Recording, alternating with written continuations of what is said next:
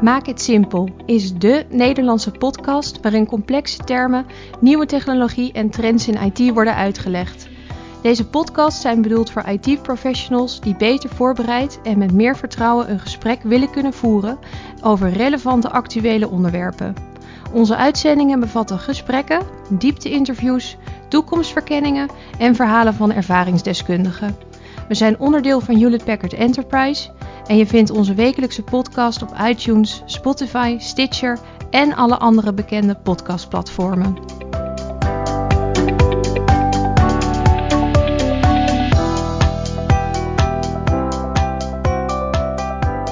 Welkom bij Maak IT Simpel van Hewlett Packard Enterprise. Vandaag gaan we het hebben over Artificial Intelligence. Mijn naam is Clemens Esser. Ik ben CTO bij Hewlett Packard Enterprise en ik zit hier aan tafel met Jeroen Bronkhorst. Jeroen, kan jij jezelf even voorstellen? Ja, natuurlijk. Ik ben Jeroen Bronkhorst. Ik werk als uh, innovatielead binnen Hewlett Packard Enterprise in Nederland. En ben daarnaast ook Artificial Intelligence ambassadeur voor, uh, voor Noord-Europa. Ja, oké. nou, dan ben jij precies uh, de persoon die we moeten hebben vandaag. hey, als jij het woord AI hoort, wat is het eerste waar je aan denkt dan zo'n beetje? Nou, het, het, eerste waar ik met AI, of, oftewel Artificial Intelligence, aan denk, is eigenlijk aan, aan computers die die werken en reageren net als mensen. Uh, eigenlijk is het hele vakgebied van kunstmatige intelligentie ontstaan vroeger omdat mensen de, de behoefte hadden om, uh, ja, om elkaar eigenlijk na te bouwen. Um, en daar hebben we in het, ondertussen al een, een aardige wat stappen in gemaakt. Maar ik moet wel zeggen dat vandaag de dag, als je het hebt over kunstmatige intelligentie, dan gaat het echt over een enkele taak die we heel goed kunnen, kunnen automatiseren. Denk aan uh, zeg maar het kunnen herkennen van uh, plaatjes of, uh, of dingen in die trant. Maar echt het namaken van een mens, ja, zover zijn we nog niet. En de geleerden die, die hebben voorspeld dat ongeveer in 2040 we pas in staat zullen zijn om echt een, een machine te maken die hetzelfde kan als wat, als wat mensen kunnen. Ja, dus, dus voorlopig hoeven we nog niet bang te zijn dat uh, de AI het van ons, uh, van ons over gaat nemen. Nee, nee, nee, zeker niet. En al moet ik zeggen dat er wel al heel wat mensen heel erg divers naar kijken. Er is zelfs al uh, sprake van dat mensen denken dat computers slimmer gaan worden dan mensen.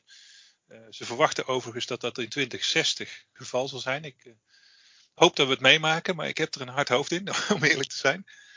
En dat zijn ook wel beelden waar, uh, waar nu al uh, zeg maar, uh, ja, over, over nagedacht wordt. Van, ja, wat houdt dat dan in hè? als computers slimmer worden dan mensen? Waar brengt dat ons? Ja, ik heb daar ook wel eens wat over gelezen op internet. Maar laten we niet direct daar beginnen, want dan wordt het wel heel complex. hey, een, een eerste ding eigenlijk. Van, kan je een paar voorbeelden geven van hoe AI vandaag de dag gebruikt wordt? En bij, bij wat voor soort klanten? Ja, zeker. Uh, ja, er, er zijn uh, heel veel voorbeelden van, uh, van artificial intelligence. waar ik vroeger altijd zelf als eerste aan dacht, is bijvoorbeeld als je naar fabrieken kijkt waar, waar robots draaien. Ik denk dat iedereen die een auto heeft vast wel eens een, het beeld gezien heeft van fabrieken waar robots auto's in elkaar zetten. En dat is heel erg interessant om dat de robots laten doen, omdat die namelijk ja, altijd werken. Hè, dus de productiviteit is daarbij altijd heel hoog. Uh, ze zijn niet zo duur als dat je het door mensen laat doen. En je kan ze laten werken in ook de meest extreme uh, situaties. Dat is een beeld wat, uh, wat heel veel mensen hebben bij, bij AI. daarnaast heb ik zelf zeg maar recentelijk ook te maken met bijvoorbeeld het, en dat, dat zit dan meer in de zorg, het, het analyseren van CT-scans van mensen die een beroerte hebben gehad. Ben druk bezig op dit moment met een bedrijfje om AI-systeem wat zij ontwikkeld hebben om CT-scans te analyseren, om dat systeem uh, verder uh, te ontwikkelen. En met dat systeem zijn ze eigenlijk in staat om heel snel een dokter te helpen om te bepalen uh, waar het bloed in de hersenen zit op het moment dat iemand een hersenbloeding heeft. En daarbij maakt het heel veel verschil of iemand een propje in zijn in hersenen heeft of een scheurtje in zijn aderen. Want in het geval van een propje kan je met bloedverdunners aan de, aan de gang. in het geval van een scheurtje moet je ook echt geopereerd worden. Dus het is heel belangrijk dat die diagnose heel goed gebeurt. En uh, AI kan daar een hele belangrijke uh, ondersteunende rol in uh, vervullen. Ja, dus dan, dan, gebruik je de AI, zeg maar, door hetgene wat normaal gesproken de specialist doet. En dan krijgt de specialist nu een advies van kijk eens hier naar, kijk eens daarna. Precies. Moet ik me er zoiets bij voorstellen? Ja, Ja, Het, is niet, het is niet zo dat de AI de mens vervangt in deze. Het is echt een ondersteunende rol voor de, voor de radioloog en de neuroloog die dan ehm, in staat wordt gesteld om, ja, om, om, precies te zien wat er aan de hand is. je moet je voorstellen dat als je een beroerte hebt, dat je ook wil kunnen voorspellen van als deze beroerte doorzet, waar gaat dat bloed dan allemaal heen in de hersenen, zodat je de, de, een, een soort schade-impact uh, kan voorspellen. Want iedere uur zeg maar, dat het langer duurt, verlies je meer dan 7% van het vermogen om onafhankelijk te kunnen, kunnen leven. Zeg maar. Dus je, je wil echt dat heel snel die diagnose wordt gesteld en dat, je, zeg maar, een, ja, dat de behandeling wordt gestart. En daar helpt AI in. Ah, dat is, dat wel een hele mooie toepassing. En niet degene waar ik zelf als eerste eh, aan zou denken. En, en als je nou naar dat soort dingen kijkt. En je zei net al mensen naspelen. Dan denk ik van je moet dingen kunnen zien. Je moet het kunnen herkennen. Je moet dingen kunnen horen herkennen. Je moet over nadenken wat betekent dat met elkaar. Nou, ik heb zo'n Google Mini thuis. Die geeft af en toe het verkeerde antwoord. Dat zal dan wel aan mij liggen, denk ik altijd. Maar als je nou kijkt wat voor technologie, wat is daarvoor nodig? Nou ja, eigenlijk is het uh, zo dat als je een, mens wil nabouwen, dan moet je een systeem bouwen wat gewoon eigenlijk een aantal functies uh, kan uitvoeren wat, je, wat wij als mensen ook doen. Dus als je de mens eigenlijk afpelt in, in essentiële functies, dan kom je op dingen als hoe redeneren wij, hoe lossen wij een probleem op, hoe, kunnen wij, hoe doen wij plannen, hoe, hoe kunnen wij een, een, resultaat voorspellen. Maar ook van hoe kan je een machine dingen leren, hoe kan een machine een plaatje leren herkennen of een eh, een voorspelling leren doen. Eh, het verwerken van de natuurlijke taal. wij, eh, wij, zijn natuurlijk als mensen ook in staat om een andere taal te leren. Nou ja, machines moet je ook leren om een taal te, te begrijpen. Natuurlijk, als je denkt aan, uh, aan robots, ja, die moeten ze wel kunnen waarnemen. Of bijvoorbeeld zelfrijdende auto's, die moeten hun omgeving kunnen waarnemen. En die moeten dat kunnen omzetten in, uh, in een beweging. Uh, ga ik uh, degene die voor mij zit ontwijken of ga ik, er, ga ik hem niet ontwijken? Daarnaast wordt, en dat zijn eigenlijk de laatste jaren, wordt er heel veel onderzoek gedaan ook naar sociale intelligentie bij machines en creativiteit. dat zijn misschien niet zozeer de onderwerpen waar je meteen aan denkt bij machines, maar ook op dat gebied wordt, wordt heel veel onderzoek gedaan. Nou, en als je in staat bent om al dat soort eigenschappen bij elkaar te voegen, dan heb je als het ware mens nagebouwd. Maar om dat te kunnen doen, heb je eigenlijk heel veel verschillende technieken eh, nodig. Denk bijvoorbeeld aan neurale netwerken of allerlei statistische algoritmes. En die maken uiteindelijk dat een systeem zeg maar, dat soort eigenschappen krijgt. Ja, even eentje. Jij zei neuraal netwerk. Kan je dat in uh, twee zinnen uitleggen? Want dat, uh, dat klinkt wel uh, heel ingewikkeld. Ja, een, een, neuraal netwerk is eigenlijk ehm, een. Um, eigenlijk is dat het, het, het, nabootsen van het menselijk brein in een computer.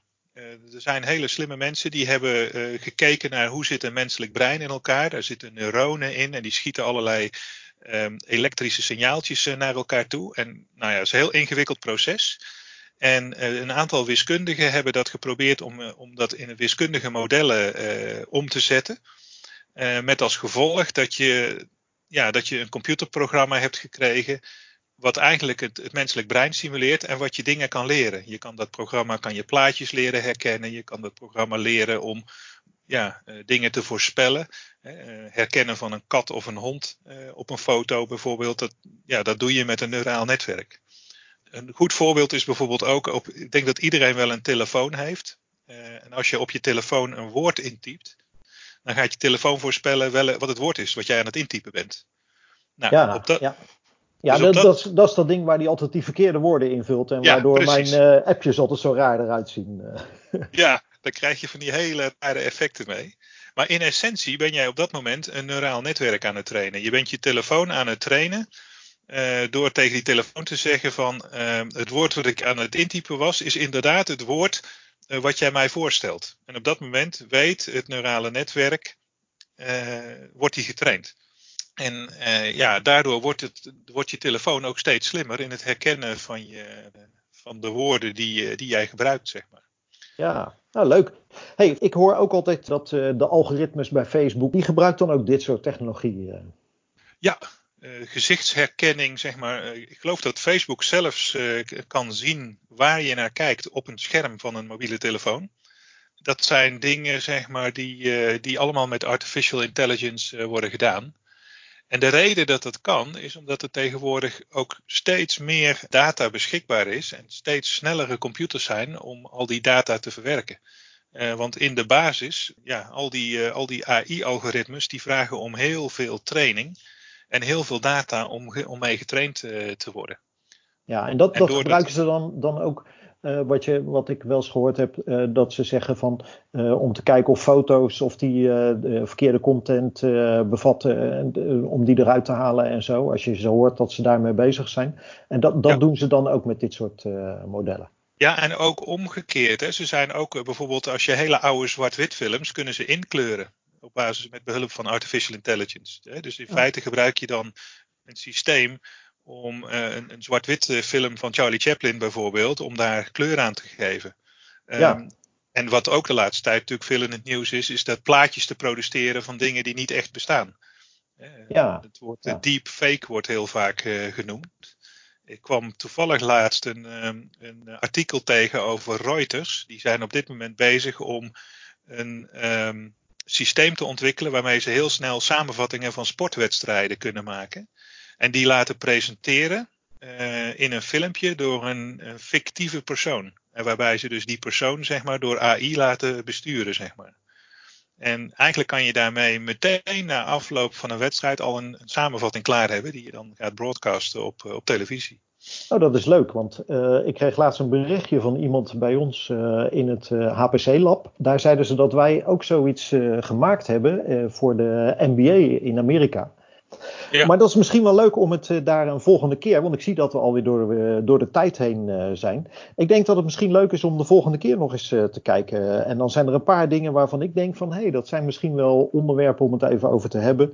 Het heeft iets te maken met ethiek, van, want er is nogal wat discussie over natuurlijk. heel veel. Exascale, dat gigantisch grote problemen. En rondom corona, er loopt nu een initiatief waar eigenlijk de hele wereld uh, met IT achter is gaan staan om researchers heel veel capaciteit te geven, dat ze daar veel sneller aan kunnen gaan rekenen wat we daaraan zouden kunnen, kunnen doen.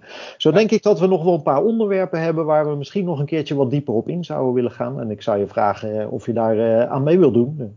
Nou, heel graag, want zoals je gemerkt hebt, zijn er ontzettend veel voorbeelden te verzinnen. En je kan zelf ook dingen bouwen, zeg maar. Dus ik wil daar graag volgende keer wat meer over vertellen. Nou, ik kan niet anders doen dan je hartstikke bedanken. Ik vond het een leuk gesprek en tot de volgende keer. Graag gedaan.